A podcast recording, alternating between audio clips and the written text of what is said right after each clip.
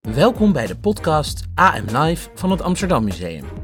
Dit is de audiosamenvatting van onze wekelijkse talkshow AM Live. Deze uitzending staat in het teken van boeken. Boeken over kunst, erfgoed, geschiedenis en Amsterdam natuurlijk. We spreken daarover met Koen Klein, hoofdredacteur van Ons Amsterdam, Gunifor Uwambaga, mede-eigenaar van uitgeverij en boekenwinkel Mendo, Co van het Hek, de helft van het duo Kunst kijken met Co en Co, en Marcel van Kanten, schrijver van het boek Wortelzucht.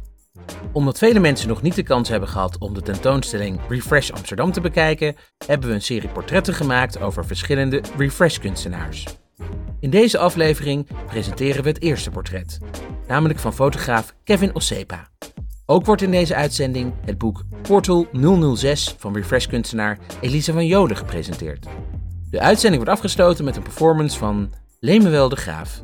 De presentatie is in handen van Margriet Schavenmaker en mijzelf, Maurice Seleki.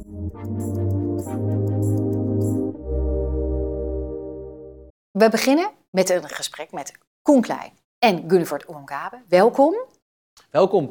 Ja, uh, Koen, als ik uh, bij jou uh, mag beginnen. Jij, bent, nou, jij bent nogal veel. Je bent kunsthistoricus, je bent journalist, je bent schrijver, je bent documentairemaker. Je bent hoofdredacteur van Ons Amsterdam. Dat vooral. tijdschrift over geschiedenis, hè, over de stad. Ja, maand, maandblad voor de geschiedenis van Amsterdam. Ja. En verschijnt tien keer per jaar, bestaat 71 jaar al. het is het grootste tijdschrift voor regionale geschiedenis van Nederland. Wat fascineert jou nou zo aan de geschiedenis van Amsterdam? Ah, dat is een goede vraag. Geschiedenis sowieso fascineert je. Eh, Amsterdam heeft natuurlijk heel anders dan andere steden de grote charme dat je er middenin kunt wonen. Dat je er ook letterlijk in kunt wonen. Bijna iedereen die ik ken die in Amsterdam een huis koopt, wil weten wie daar eerder gewoond heeft. Zeker als het huis 300, 400 jaar oud is. En dan is Amsterdam niet eens zo heel erg oud vergeleken met andere steden. Maar die dimensie die heb ik altijd heel erg interessant gevonden. Maar ook gewoon mijn grootvader woonde hier en uh, woonde in de Jordaan. En dat wilde ik dus ook weten waar dat was en hoe dat zat. En uh, in mijn uh, ervaring bijvoorbeeld met zo'n tijdschrift is dat de meeste mensen die belangstelling hebben voor geschiedenis, beginnen op dezelfde manier. Die beginnen met belangstelling te krijgen voor hun eigen geschiedenis. dus denken van mijn vader heeft daar nog op school gezeten of mijn oud-oom had daar een melkwinkel. En, en dan komt je belangstelling voor de stad op gang. En dan wil je meestal ook wel, beginnen mensen ook geïnteresseerd raken in erfgoed en in de bescherming daarvan. Het is wel een mooie link op zich die je, uh, denk ik, met, met uh, Gunnivoort te maken. Want uh, ja, ik heb ook roots in het Amsterdamse en heb inderdaad ook een, een, een kaaszaak of van mijn opa en oma in de staatsliedenbuurt, zeg maar, waar ik naar terug kan keren en de geschiedenis kan, kan bekijken. Maar Gunny, jij bent veel later in je leven naar Amsterdam gekomen en hebt eigenlijk een andere relatie met de stad. Dus hoe, hoe zie jij dat? Hier? Zeker. Nou, ik ben uh, een kleine tien jaar geleden, denk ik, naar Amsterdam toegekomen om te studeren. Uh, heb hier op de VU uh, finance mogen studeren. En eigenlijk mijn eerste bijbaantje, basically, um, kwam ik te werken in een boekhandel. En dat was Mendo? Dat was Mendo. Um, toen nog in de negen straatjes? Toen nog in de negen straatjes. Um, wat heel bijzonder was aan uh, dat baantje, kan het iedereen aanraden, is dat een boekhandel staat best wel centraal um, in de samenleving. Uh, Mendo dan ook nog eens stond centraal in de stad. Um, en op die manier heb ik uh, eigenlijk deze stad leren kennen uh, en de mensen leren kennen, omdat ze letterlijk naar ons toe kwamen.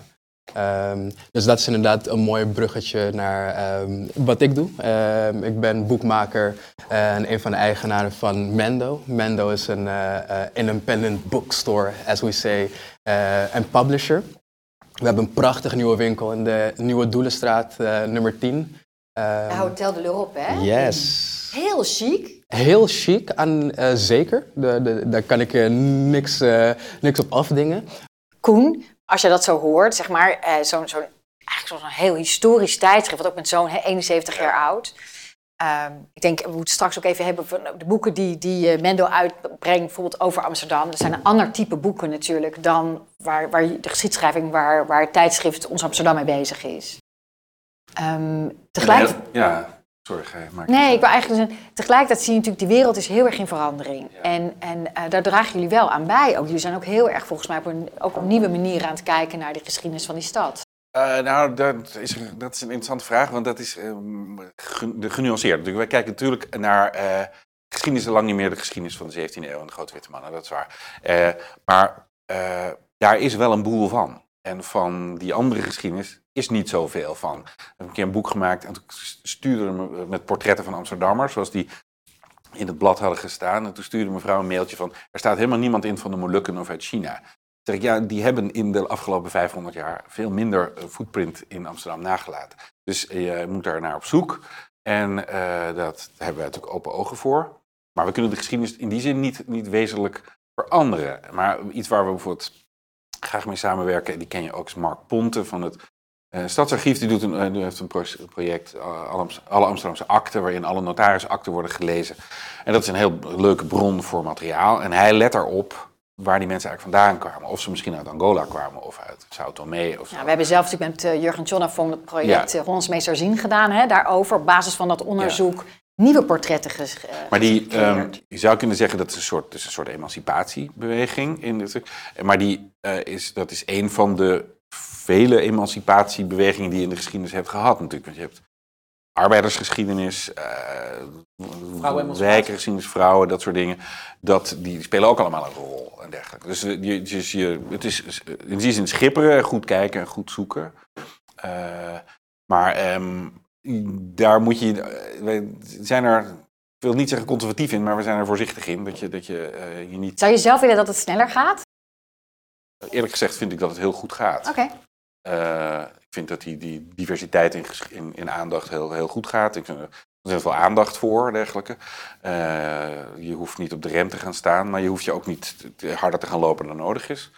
En er zit ook een nieuwe generatie uitgevers uh, uh, aan tafel, die, die daar misschien ook een bijdrage aan levert aan die ontwikkeling. Want Gunnifor, ik zie meerdere boeken die allemaal over Amsterdam gaan, die jullie hebben gemaakt, Mendo.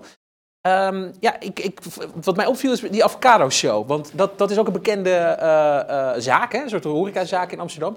Vertel, hoe, hoe, hoe geef je de stad uit?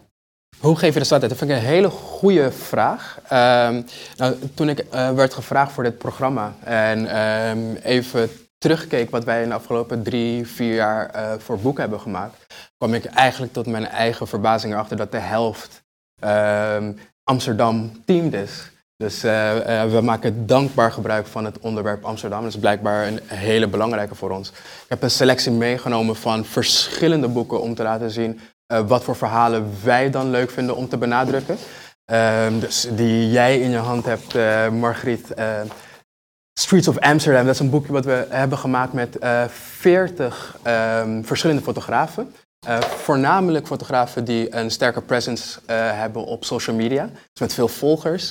Um, het zijn veelal hele jonge fotografen die nog nooit zelfs hebben gedacht dat ze hun werk in print zouden kunnen zien. En dat is bijvoorbeeld een prachtig portret geworden vanuit allerlei verschillende, um, ja, allerlei verschillende perspectieven. Um, maar in datzelfde. En dat was ook natuurlijk handig om een breed publiek te bereiken, doordat ze zoveel volgers op social media hadden. En dat is natuurlijk de handigheid. Daar komt de finance man, de uitgever. Die, die erin zit. Ja, maar als ik vraag me, hoe breed is dat publiek dan? Dat publiek is zodanig dat volgens mij van Streets of Amsterdam, dat praat je over uh, oplages van 5000 om te, om, om, om te beginnen. Dus dat zijn uh, best wel boeken voor een wat breder publiek. Het zijn best ook wel koffietableboeken, exactly. hè? Dat is natuurlijk wel... De functie ervan is ook wat minder uh, als informatiedrager, maar ook gewoon als ja, prachtig object wat je ook cadeau kan doen, et cetera. Ja, um, Heel veel inderdaad natuurlijk hè, echt uh, beeldgerelateerd. Beeldgerelateerd. Het zijn mooie uitgegeven boeken, inderdaad koffietafelboeken. Yes. Terwijl natuurlijk ons Amsterdam, ja, dat is uh, de, de geschiedschrijving, de, ver, de verdieping. Mag ik dat zo zeggen? Ja, dus of, uh... ik, ik, ik, het zijn hele fraaie boeken. Ja. En, uh, maar het eerste wat opvalt, is allemaal in het Engels. En, uh, het is een heel... Tweetalig soms zo. Oh, sorry. Ja. Want jullie zijn bewust Nederlandstalig. Ja, en, en we vragen ons natuurlijk af van wie lezen, wie lezen ons en waar, waar zitten die mensen en wie zijn dat? En zijn, dat zijn over het algemeen hele, laat ik zeggen, gewone Amsterdammers. En die lezen het Nederlands. En die zijn natuurlijk ook bereid om een tijdschrift te lezen over geschiedenis. Dan heb je al een bepaald segment te pakken. En dat zijn mensen die niet noodzakelijkerwijs Engels spreken. En dat is een, een, aanname die heel vaak wordt gedaan. Dat je in Amsterdam het publiek in het Engels kunt toespreken. En dat is niet zo, vind ik. Of dat lijkt mij niet zo. Dat, dat je, uh, kijk, je kunt natuurlijk je eigen doelgroep kiezen en je eigen markt. Dat is daar, en die is er. Zeker als je in het hotel erop zit. Dan zou ik het in het Engels doen. Maar de overgrote meerderheid van, laten we zeggen, de, de brede Amsterdamse massa die geïnteresseerd is in geschiedenis. Ik vraag me af of, of die daaraan toekomen. Ja, begon natuurlijk dit verhaal met eh, van eh, je kan in Amsterdam wonen. En toen dacht ik daar even over na van, maar kan dat? Nou, sommige mensen, eh, die kunnen, nou, wij misschien allemaal wel, kunnen dat gelukkig nog. Maar er zijn natuurlijk heel veel mensen die dat niet meer kunnen. En dat is natuurlijk ook een van de grootste vraagstukken in Amsterdam. Hoe ga je dus nu om om die stad toegankelijk te houden ook? Ook voor nieuwe Amsterdammers. Hoe kijken jullie er tegenaan vanuit eh, ons Amsterdam? Nou ja, de helft van mijn abonnees woont in Amsterdam. En de andere helft woont in Hoorn, Purmerend en dergelijke. En die hebben, denk ik, heel vaak dat blad eh, in abonnement om de relatie met die stad te onderhouden. hè, Om toch te weten, te weten waar het was. Ja, en die zijn ook heel fanatieke lezers. En een van de dingen waar ik wel eens over nadenk, bij, als, als je dit soort publicaties van jou ziet in het Engels, dat is in zekere zin een fictie. Dat zijn dus, dus boeken die gaan over een stad waar mensen niet wonen. En, en waar, waar, die, die ze niet kennen. Dus je levert, het is een zeker een soort droomlandschap wat je mensen meegeeft. Leg eens uit. Nou, kijk, kijk het, eh, eh, het, het besef van dat je in een historische stad woont met, met een historisch stadsgezicht en dergelijke, dat leeft natuurlijk bij mensen als ze dat zelf ook zien. Als ze daar zelf ook wel eens hier bijvoorbeeld over de Torontobrug zijn gefietst en de Amstel hebben afgekeken, dergelijke. Maar als mensen dat niet meer doen, weet je, dan maak je die boeken dus voor mensen die dat niet doen. Dus die van buiten komen, die dat, die daar... En dan wordt het in zekere zin een soort fictie. En dat is toch eigenlijk hetzelfde wat jullie ook doen? Als jullie, eh, je vertelt net, er zijn heel veel mensen, oud-Amsterdammers, die nog die relatie met dat oude Amsterdam willen Ja. behouden. Dat is toch ook een soort droomstad voor hen, want ze wonen er niet meer. Maar het gaat over dingen die er wel zijn. Het gaat wel over de openluchtschool in de Uiterwaardenstraat. En het gaat wel over, dat, dat, dat is, dat, die relatie is er wel. Maar dat is wel interessant aan eh, geschiedenis en hoe gaan we daarmee om, zelfs in geschiedenis van een, eh, van een stad. Eh, vanuit mijn perspectief is eh, geschiedenis dienend. Weet je? Geschiedenis ehm, ehm, zijn dingen die zijn voorgevallen in het verleden. Eh, die raken ons eigenlijk fysiek niet meer. Dus wij als mens hebben het recht om de context en de betekenis aan geschiedenis te geven die ons kan dienen of informeren in het nu. En vanuit dat perspectief ben ik zelf altijd meer geïnteresseerd in ehm, zeker het ehm, bekijken van de geschiedenis. En ehm, daarin denk ik ook dat het niet erg is om geschiedenis te presenteren op een bepaald niveau. Ehm, als ik eh, eh, een paar van jullie verhalen lees, denk ik van ehm, deze verhalen zijn eh, eigenlijk super geschikt bijvoorbeeld voor nieuwkomers die net in Nederland zijn. En niet alleen maar voor de, eh, voor de ehm, eh, elitaire of middelklasse die de geschiedenis van Amsterdam of geschiedenis van een bepaald gebouw wil weten. Nou, ik wil daar wel iets aan toevoegen inderdaad. Ik merkte namelijk laatst dat ik bij het lesgeven aan de UvA... dat mijn vooral internationale masterstudenten enorme honger hebben... naar literatuur over de geschiedenis van Amsterdam. Ja, ja. En dan denk ik van, nou, ons Amsterdam zou te gek zijn... Weet je wel zo. Dus, dus ik denk ook dat er veel meer eh, nog te winnen is Oh, wel. Ja, in die combinatie. zou ook wel een Engelse versie En ik denk zelfs dat het know, complementeus kan zijn. Hè? Dus als we eh, niet eens over de, de inhoud hebben, maar even over de oppervlakkige, eh, over het medium, een boek of een magazine. Eh, kijk, wat Mende onder andere onderscheidt is, eh, je hebt helemaal gelijk in, we doen ons best dat er ook een beetje sexy uitziet, dat mensen het cadeau willen geven aan elkaar. En ehm, ehm, weet je, dat is maar een vorm. Ik vind het heel erg spannend. En in dit boek, Amsterdam Uncovered, hebben we een paar verhalen gemaakt die heel veel betrekking hebben tot de ge- keiharde geschiedenis van Amsterdam. Ehm, op interessant, interessante manieren belicht. Ja, en die info wordt ja, iets, iets aantrekkelijker gepresenteerd. Ja, nee, dat, En, dat, dat, ik, ik heb daar ook helemaal geen, geen kritiek op. Eh, ik, ik, ik, ik zeg alleen maar dat er, dat er eh, een soort disconnect aan het, het Engels woord gebruikt, eh, ontstaat tussen, laten we zeggen, de, de, de brede massa Amsterdammers die allerlei fenomenen in de stad ondersteunt.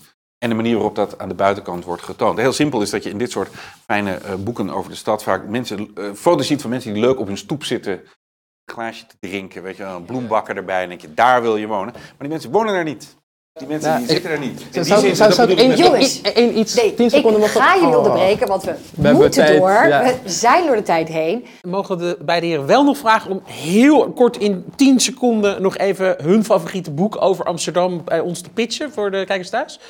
10 seconden. Ideale boek. Ideale boek. Moet u beginnen, heer Koen? Ja, ik had het over mijn grootvader, Kees de Jonge van Theo Thijssen. Een jongetje groeit op in de Jordaan begin eh, 20e eeuw in bittere armoede, en, maar is een optimistische dromer. Eh, dat boek moet je lezen als je wil weten hoe Amsterdam ooit was. Kees de Jonge van Theo Thijs, klassieker. Uniform.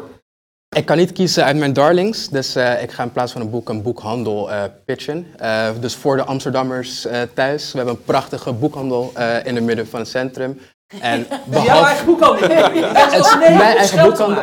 we kunnen allemaal, maar vooral Mendo is een plek waar je samen kan komen en zulke gesprekken kan hebben met mensen van verschillende achtergronden, generaties. Dus dat, dat wil ik graag voorleggen. Bravo. Dank jullie wel. Ik hoop jullie nog heel vaak weer terug te hebben. Veel succes. Heel veel succes. Dankjewel. Bij ons aan tafel filosoof, tekstschrijver en kunstkijker Co van het Hek. Welkom Co. Dank je. Co, jij bent... Uh, ja, echt superleuk dat je er bent. Je bent uh, een van de oprichters van Kunstkijken met Co Co. Ja. Uh, dat doe je samen met Yuki Co. En dat is eigenlijk een soort van platform waarin jullie samen op een hele nieuwe manier naar, naar kunst kijken en het ook uitleggen aan mensen. Kun je daar zelf even wat meer over vertellen? Nou, ik weet niet of we echt op een nieuwe manier naar kunst kijken, maar we wel, proberen wel echt op een andere manier over kunst te schrijven.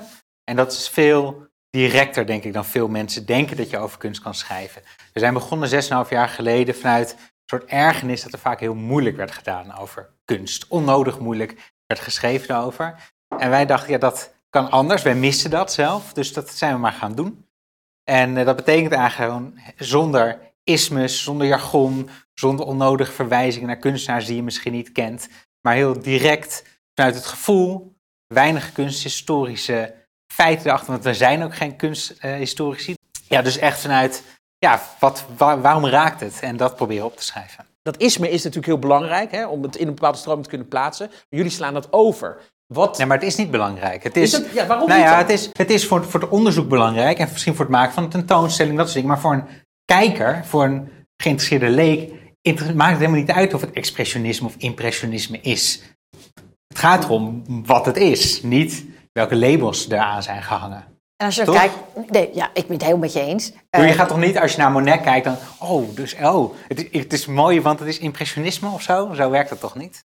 Nee, en tegelijkertijd, als je dus in een, uh, in een museum zeg maar, tentoonstelling maakt en daar weer allerlei tekstproductie bij doet, is het altijd weer de vraag inderdaad van welk niveau uh, stap je in, zeg maar. En, en dat is natuurlijk heel divers, want het publiek wordt ook, ja, hopelijk ook steeds diverser dat binnenkomt in musea. Ja. Dus wij worstelen daar best wel mee van welk. Um, nou ja, dan heb je ook van die, die, die taalniveaus. Hè? En mm het blijkt dat het gemiddelde niveau best heel. Nou ja, dat je wel echt goed moet opletten dat je niet te lange zinnen maakt. En, ja. Nee, dat, dat taalniveau B1, hè, wat een soort taalniveau is wat de meeste mensen kunnen, wat ook de overheid zo gebruikt, dat is voor hoogopgeleide mensen echt verbazingwekkend laag. Het is weinig poëtisch, ja, er blijft weinig uh, Ja, je kan weinig, maar dat is dan volgens mij juist de uitdaging als je schrijft überhaupt, maar ook als je schrijft over kunst. Hoe ga je dan toch, hoe maak je het intelligent zonder dat je moeilijke woorden gebruikt? En dat kan, alleen dat is, ja, dat is dat is eigenlijk nog moeilijker om, om, om, iets, om een, complexe materie op een eenvoudige manier uh, op te schrijven. je bent hier natuurlijk in het Amsterdam Museum. Je ziet daar misschien ook uh, onze publicatie wat we over het nieuwe Amsterdam Museum hebben geschreven. Als wij nu ja, toch een beetje jou als een soort uh, advocaat van de duivel hier aan tafel mogen vragen wat je eigenlijk van ons tekstwerk vindt, wat, wat zou je daarover kunnen zeggen? nou, daar, zo heb ik het niet bestudeerd. Ik wist niet dat we het daarover gingen hebben. nee, dat weet ik eigenlijk niet zo goed. Ik denk, maar ik denk dat het voor alle musea geldt dat het gewoon best wel moeilijk is om over kunst of tentoonstellingen te schrijven. Je weet vaak veel meer dan je eigenlijk kwijt kan. En heel veel musea, maar ook andere organisaties hebben de neiging om alles tegelijkertijd te willen vertellen. En dat werkt niet, want een lezer heeft echt duidelijke punten nodig waar hij aan vast kan halen. En de rest, je hebt heel snel heel veel ruis. Op jouw website kunnen mensen nalezen hoe, hoe jij dat doet in ieder geval. Mhm. Ik ben heel benieuwd. Als we weer open gaan, kom een keer bij ons kijken. En dan ben ik heel benieuwd wat je vindt uh, van onze tekstproductie. Uh, en voor nu wil ik je heel erg bedanken. Want het zit er alweer op. Succes, Ko. Dank je. 1 maart verscheen Wortelzucht van Marcel van Kanten. In de publicatie neemt hij ons mee naar vier continenten op zoek naar zijn 13 verschillende etniciteiten, gebaseerd op zijn DNA. Ik ben heel benieuwd. Uh, Marcel, welkom. Dankjewel. Um, vertel over dit onderzoek. Hoe is het begonnen? Hoe is jouw zoektocht, die wortelzucht, ontstaan? Hoe het is ontstaan is, uh, er waren eigenlijk twee aanleidingen. Eentje was toen ik 12 jaar oud was. Ik zat in de tweede klas van de HAVO, lang geleden. En ik kijk naar televisie en ik viel met mijn neus in de beroemde tv-serie Roots. Waarin Kunta Kinte op een gegeven moment als eh, oervader werd ontdekt door Alex Haley. Dat is dan de man die centraal staat eh, in, de, in dat eh, verhaal. Hij is de eerste Amerikaan die zijn, die zijn oervader ontdekte. En toen dacht ik als twaalfjarige van, nou dat wil ik ook. Maar goed, je bent twaalf jaar en je gaat je leven leven. Nou, enkele decennia later, ik heb een dochter en die dochter wordt op een gegeven moment volwassen. Ze is nu twintig, Anna Nova. En ik dacht op een gegeven moment van, goh, maar als zij straks eh, eh, zelf kinderen heeft, wat gaat zij dan vertellen over wie zij is en waar ze vandaan komt? Nou, heb ik vanuit de familie, ik ben half Indisch, half Surinaams, natuurlijk ook verhalen meegekregen. Dus ik wist bijvoorbeeld wel van, ja, eh, omdat ik Surinaams, Surinaams ben, althans mijn vader, stammen wij af van de slaven, slaafgemaakten. Maar hoe dat verder zat, eh, daarover werd nooit gesproken in de familie. En dat ben je gaan uitzoeken. En dan ben ik gaan uitzoeken. En waar, waar begin je dan? Kunst is inderdaad om te voorkomen dat je verzuipt met zo'n zoektocht. Maar je begint eigenlijk gewoon bij laaghangend fruit. Eh, eh, je hebt, eh, eh, als je een vader, een moeder, ooms, tantes en misschien nog wel een oma en opa hebt, dan begin je daar eh, met, eh, met uitpluizen. En in mijn gevoel, ik heb dan eh, geen eh, grootouders meer, want die zijn allemaal eh, overleden. Maar ik heb wel een kookboek wat mijn oom, Indische oma bijvoorbeeld eh, eh, in de keuken altijd had liggen sinds ik een eh, kleine jongen was. En daar stonden niet alleen 60 recepten in over hoe je eh, allerlei heerlijke gerechten maakt. Want ze was de beste kok ter wereld. Maar in de kantlijn stond ook gewoon de halve eh, Tweede Wereldoorlog en de Bersiap eh, beschreven.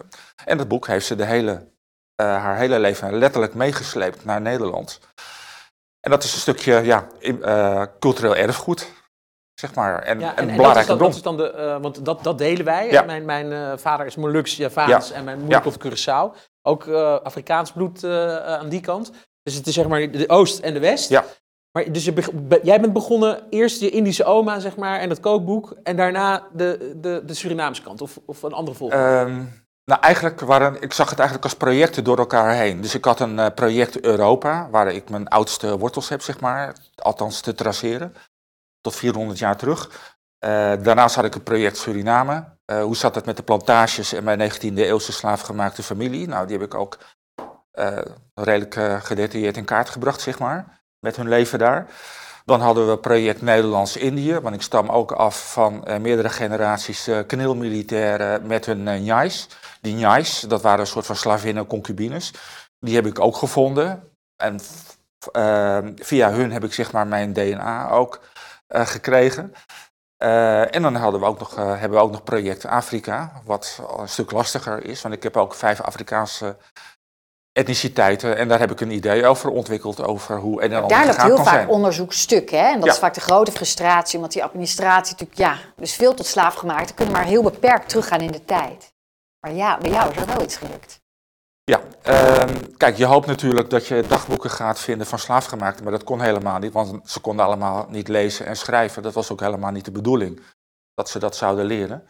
Eh, maar ik heb eh, door een interessante samenloop van omstandigheden, de factor geluk is een belangrijke factor ook bij het doen van het onderzoek. Eh, ik ben via Maartje Duin eh, bekend Van, de bekende podcast, ja. van de bekende podcast over de plantage. heb ik de nazaten van de slavenhouders van mijn eh 19e eeuwse slaafgemaakte familie gevonden, opgespeurd, ontmoet. En dat is de familie van Limburg-Stierum. Zesde generatie nazaat van die slavenhouders. Dat was de familie Kennedy. Oh, Ook ja. bekend van JFK, zeg maar. Dat hangt allemaal met elkaar samen. Maar die familie van Limburg-Stierum, die woont op een 17e eeuws landgoed in Oost-Nederland. Die hebben mij toegang gegeven tot hun besloten archieven. Daar heb ik complete inventarissen gevonden van de plantage waar de familie van Kanten... eh, dus mijn familienaam, eh, eh, ja, van die plantage waar mijn familie leefde. En eh, in die eh, inventarissen heb ik eh, Elisabeth gevonden. Elisabeth uit Afrika, die in 1811 eh, op die plantage daar rondliep. En een kind baarde. En dat was de oma van mijn bedovergrootmoeder, Wilhelmina. En we praten over 1811. En Dat was echt wel, ik vond ook in het, in het boek zelf, zeg maar, dat is natuurlijk heel belangrijk. Ehm, want ik denk dat die zoektocht, dat je zo, het leest ja, echt als een, nou, een soort roman bijna, maar ook ehm, ja, zoveel werelden die samenkomen. Marcel, en dan nog tot, slot. Ja. Ehm, maar je, je hebt wel eens gezegd, eh, eh, ja, de wereld dat ben ik, eh, naar aanleiding van Ja. het boek. Omdat al je etniciteiten samenkomen, ook Ja. eh, in jouw DNA. Ja. Eh, we zijn natuurlijk in het Amsterdam Museum. Is er ook nog een link met Amsterdam? Eh, die is er eh, zeer zeker. Ehm, ik zei eerder al dat eh één tak van mijn familie komt, eindigt gewoon in Nederland. En eh, nou blijkt dus dat plekken waar ik heel graag kom, zoals bijvoorbeeld de Nieuwe Kerk, ik ga graag naar tentoonstellingen als die daar zijn. Nou, daar zijn ettelijke familieleden van mij eh, in de Gouden Eeuw, zeilmakers, poorters, nou ja, noem maar op, verschillende beroepen. Die zijn daar getrouwd of die zijn daar begraven. Hetzelfde geldt ook voor de oude, de oude kerk in de Indische buurt.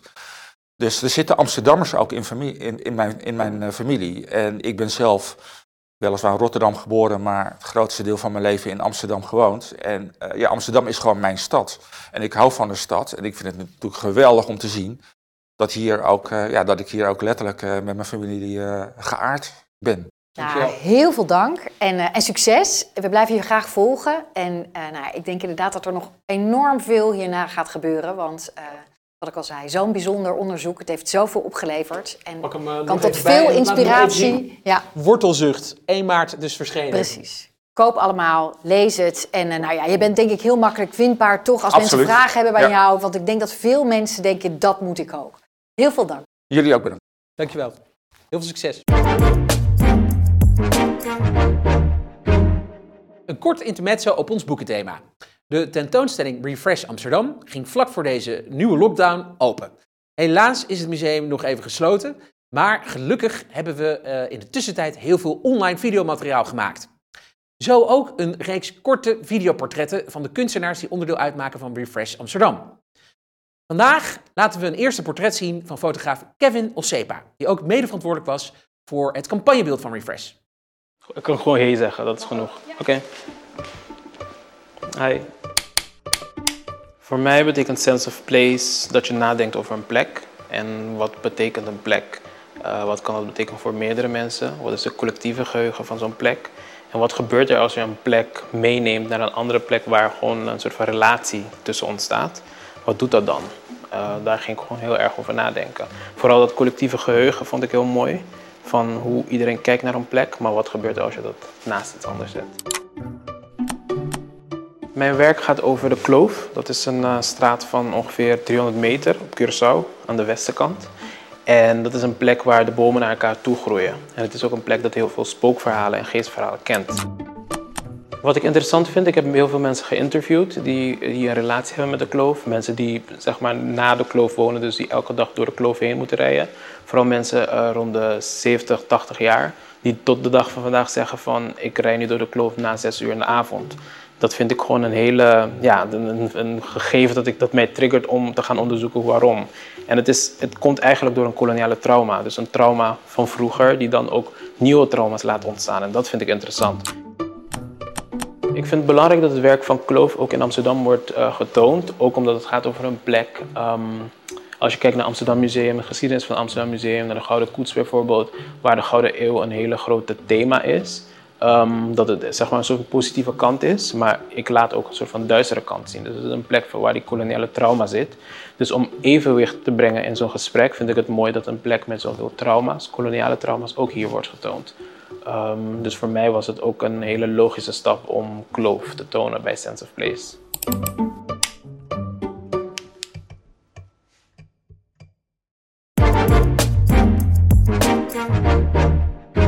Naast Kevin Ossepa zijn er nog heel veel andere kunstenaars die deel uitmaken van de tentoonstelling Refresh Amsterdam.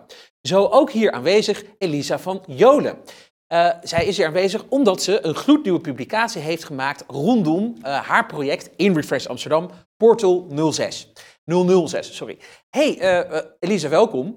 Ehm, ja, Portal 006. Vertel. Portal is een, eh, een doorlopend onderzoeksproject, wat ik in 2017 ben gestart. Dit is de zesde editie van Portal. En eigenlijk eh, werkt het als volgt. Eh, deelnemende mensen, was eerst museumbezoekers, nu heb ik het met, met middelbare scholieren gedaan in Nieuw-West, Amsterdam Nieuw-West. Die doen een kledingstuk uit, wat zij op dat moment aan hebben, leggen dat plat neer en maken een zwarte omleiding daarvan met tape.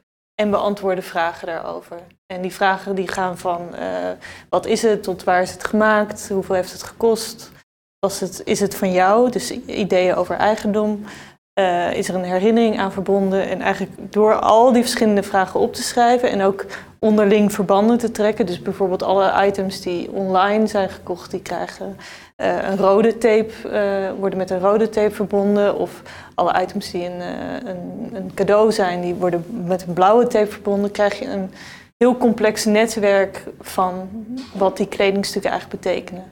In de tentoonstelling hangt een hele grote lap, hè? Een soort, soort canvas met, met dus een aantal van dit soort getapte omtrekken. Ja. Uh, en een soort diagrammen en tekstjes erbij. Um, maar daarbij liggen ook een aantal publicaties. Ja, en klopt. dit is een nieuwe daarvan? Of Klopt. dit is, ja. ja, dus voor elke editie maken we een publicatie waarbij eigenlijk uh, ja, de, de verhalen die op zijn geschreven op dat doek worden gedocumenteerd, maar ook uh, gewoon, ja, het is ook data verzamelen. Want wij denken van oké, okay, een item is, uh, een kledingstuk is mooi of lelijk of een bepaald merk. Maar eigenlijk ben ik geïnteresseerd om samen met mensen uh, die achterliggende verhalen te onderzoeken. En de achterliggende meer complexe relaties die we tot een kledingstuk hebben van, ja, het kan iets heel politieks zijn of, en het is ook iets heel ja, persoonlijks. Ik bedoel, ja, ik denk nu het is natuurlijk een heel maatschappelijk debat gaande, ook over de hele footprint natuurlijk Mhm. van, van mode, maar ook Mhm. hè, en de hele de, de relatie tot, tot machtsstructuren, eigenlijk het nieuwe kolonialisme zou je kunnen Ja. zeggen. ja. Ehm, heeft dat in jouw onderzoek heeft een bepaalde rol, maar tegelijkertijd verbind je dus ook eigenlijk meer die emotionele waarden en die Ja. emotienetwerken bijna Ja. rondom kleding. ja. Wat, wat hoop je daarmee te bereiken? Nou, eigenlijk voor, voorbij die eenduidigheid te, niet alleen maar te denken, maar ook het te doen. En, en dat portal, wat ik al zei, dit is een, de zesde editie. Ik heb het in Boymans gedaan, een modetentoonstelling, maar dat was meer met museumbezoekers. Die dan op zaal een kledingstuk uittrekken en zichzelf eigenlijk gaan En wat is het verschil? Want je was nu, nu Nou was ja, bij de Comenius eh, ja, College. hè? Ja, ik, ik wilde heel graag al heel lang met tieners werken. Omdat dat natuurlijk, daar, tieners, het gaat heel erg over je eigen identiteit ontdekken. Ik draag eh, Nike schoenen, dat is cool, want hij draagt het ook. En, en ehm, ik denk dat daar, ja, de- een Nike schoen is heel anders dan een andere Nike schoen. Of misschien zitten er andere herinneringen aan verbonden. Of waar is het eigenlijk gemaakt? Of, eh, dus eigenlijk om met hun te kijken naar wat zij daar ja, persoonlijk mee hebben, maar ook waar het vandaan komt, is denk ik cruciaal om ook voor hun anders met kleding om te gaan. Zij zijn de toekomst. Ik bedoel, het is duidelijk dat, de, dat we anders moeten omgaan met kleding, vooral, of al- met spullen in het algemeen. En zij, dat zijn dus die jongeren uit Nieuw-West eigenlijk van het Ja. Comenius eh, Ja. College. Ja, En, en ja, nu heb je natuurlijk ook, eh, want we zitten in het boekenspecial vandaag. Ja. Nu heb jij eigenlijk een tijdschrift gemaakt bij je project. ja. Ehm, kun je vertellen waarom het ja, voor jou als kunstenaar belangrijk is om een, een, ja, een tactiel medium, een tijdschrift eh, eh, uit te brengen rondom eh, jouw project? Had het niet online gekund, bij wijze van Dat is een vraag die ik vaak gesteld krijg. En, en eigenlijk wat, wat zo belangrijk is aan, aan zo'n tactiel medium is dat je... Ja, het is een choreografie die ik samen, of Bart de Baats heeft het ontworpen. De Appel heeft ook, ja, die heeft ervoor gezorgd, die werkt al veel langer met het Comenius Lyceum. Dus ja, dat is fantastisch dat zij dat mogelijk hebben gemaakt. Maar om terug te komen op je vraag van waarom een magazine, is omdat ook voor die leerlingen zelf, dat zij zien van hé, hey, dit hebben wij gemaakt. Of dit, hebben wij, dit zijn onze verhalen die gepubliceerd worden. Dus ja, in die zin worden wij ook gehoord daarin. Tot de magie van de publicatie eigenlijk. ja, ja, zeker wel. Ik bedoel, het is, het is allemaal heel erg vluchtig. Vooral mode, dat, dat gaat alleen maar over vluchtigheid en over het nieuwe en het volgende. En eigenlijk is een, een publicatie, het is een knipoog naar een, een modetijdschrift. Het is eigenlijk het tegenovergestelde wat een modetijdschrift doet. Die, die prijst iets aan en dan moet je dat kopen. Of, maar dit is eigenlijk van je hebt iets en dan gaan we het eigenlijk ontrafelen en bekijken van wat dat eigenlijk is samen. Ja, ik ben heel benieuwd. Ik denk dat er nog veel edities gaan komen. En ik, ik denk ook dat het mooi zou zijn op een gegeven moment om ze echt te gaan bundelen dan Ja. in een boek. Ja, Dankjewel. En eh, nou, we zien uit naar de toekomstige portals. graag gedaan. Dank jullie wel. Heel veel succes. De pen is machtiger dan het zwaard. Aan tafel eh Leemuel de Graaf, winnaar van de internationale verhalenwedstrijd. Je gaat zo meteen een gedicht voor ons voordragen. Maar eerst even, wij, eh, we hebben een boekenspecial. Ben je zelf een uh, vervent lezer? Ik uh, heb gemerkt dat ik meer schrijf dan dat ik lees. Maar de laatste tijd ben ik inderdaad wel meer romans aan het lezen. En ja, dat, dat doe ik de laatste tijd wel echt veel meer dan voor het schrijven eigenlijk. Want, nog heel even, uh, hoe, hoe oud ben je eigenlijk? 22. 22, oh ja, oké. En wordt er door jouw generatiegenoten zeg maar nog veel gelezen eigenlijk? Zeker, ja, zeker wel. Ik, je merkt wel een beetje een splitsing natuurlijk van mensen. Van mensen met een, een, een, concentratieboog. Maar ik heb natuurlijk, in mijn vriendengroep is het wel een beetje een, wel, wel, een splitsing. Je zit op de filmacademie en, da, en daar schrijf ik scenario's. En daar zijn in mijn klas zijn er wel mensen die echt wel boekenfans zijn en echt heel veel lezen. En ik heb ook een vriendengroep waar mensen andere interesses hebben en dat, dat, en dat lezen gewoon iets, te, iets te lastig is. Dus ik zit een beetje ertussenin, denk ik. En nog, nog één vraag, want dat viel mij dus op. Jij hebt dus uh, die wedstrijd natuurlijk gewonnen. En dat is er met een performance in die heet uh, Ik haat poëzie, of tenminste de titel was zo. Ja, klopt. Uh, dan dan ben ik natuurlijk heel erg benieuwd, waar komt die titel van? Ja. Wat voor statement probeer je af te geven? De, de statement kwam, kwam eigenlijk als eerst voor mezelf. Want het was het eerste gevoel dat bij mij speelde. Het is niet iets dat je meteen deelt. Voornamelijk als je uh, mensen zeggen dat je mooi kan schrijven of goed kan schrijven, ga je niet zeggen dat je poëzie haat. Dus ik had het eerst in mijn notities geschreven en ik uh, dacht, ja, het is, fijn dat ik het hierin kwijt kan, omdat uh, ja, je kan natuurlijk altijd eerlijk zijn met jezelf. En toen op een dag kwam, kwam, werd aan mij gevraagd of ik mee wilde doen aan de wedstrijd. En toen dacht ik, dit is wel een, gewaagde tekst en deze heb ik staan. Dus weet je, ik, ik, gok het er gewoon op en ik doe deze tekst, want ik voel het ook echt. En uh, ja, ik sta er ook nog steeds wel achter. Zit natuurlijk, het is niet dat ik poëzie daadwerkelijk echt haat. Het is denk ik gewoon meer de haat-liefde relatie. En het is denk ik het haatgedeelte wat ik er even highlighten. Nou, de, de floor is yours. Dankjewel.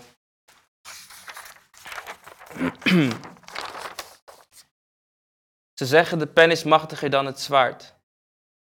Geduld is een schone zaak. Maar ik zie Nederlandse geschiedenisboeken met teksten van helden op paarden en plaatjes van zwarte barbaren. En ik krijg plaatsvervangende schaamte, misplaatste toetsvragen over de olifant in de kamer. Want hoe kan je me nog vragen over de gouden eul als je het antwoord witte wast bij elke druk? Kinderklas, mentale druk, voel ik dat? Ja, zeker juf. Maar, maar, maar nationalisme gaat voor. Wees trots op je land, loop vrij hand in hand. Alles is al zo lang geleden volgens mij. Tenzij we het hebben over 5 mei. Laatst nog, docent geschiedenis zei dat negen zwarte mensen waren. Ik mocht er niet in de reden halen, want het stond in de dikke vandalen. Maar wat voor waarde kent die dikke vandalen als hij jou niet eens herkent en ook niet de waarde van je naaste? Want ik lees achternamen van slavenhandelaren bij mijn zwarte broeders en zusters. Dus zeg me wat ze met de tijd bedoelen als ze dit verleden tijd noemen. En wat jij precies bedoelt als je mij durft te vertellen hoe ik mij moet voelen. Ik onderdruk die woede voordat ze me weer stereotyperend noemen. Maar eerlijk, wat doe ik? Ik zing de blues op een beat. En was ik maar de laatste. Ik zing de blues op een beat. Dan kon ik vertellen dat het verleden tijd is, voordat je vraagt waar ik vandaan kom, maar hoe het eigenlijk met mij zit, hoe het eigenlijk met mij gaat.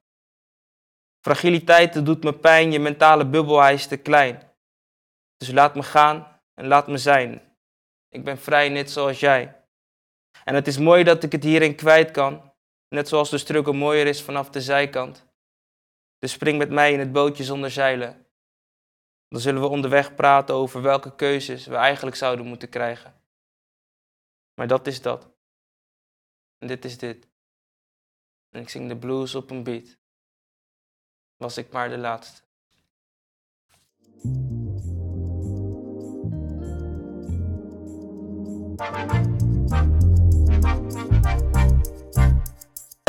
Dit was de negende aflevering van AM Live.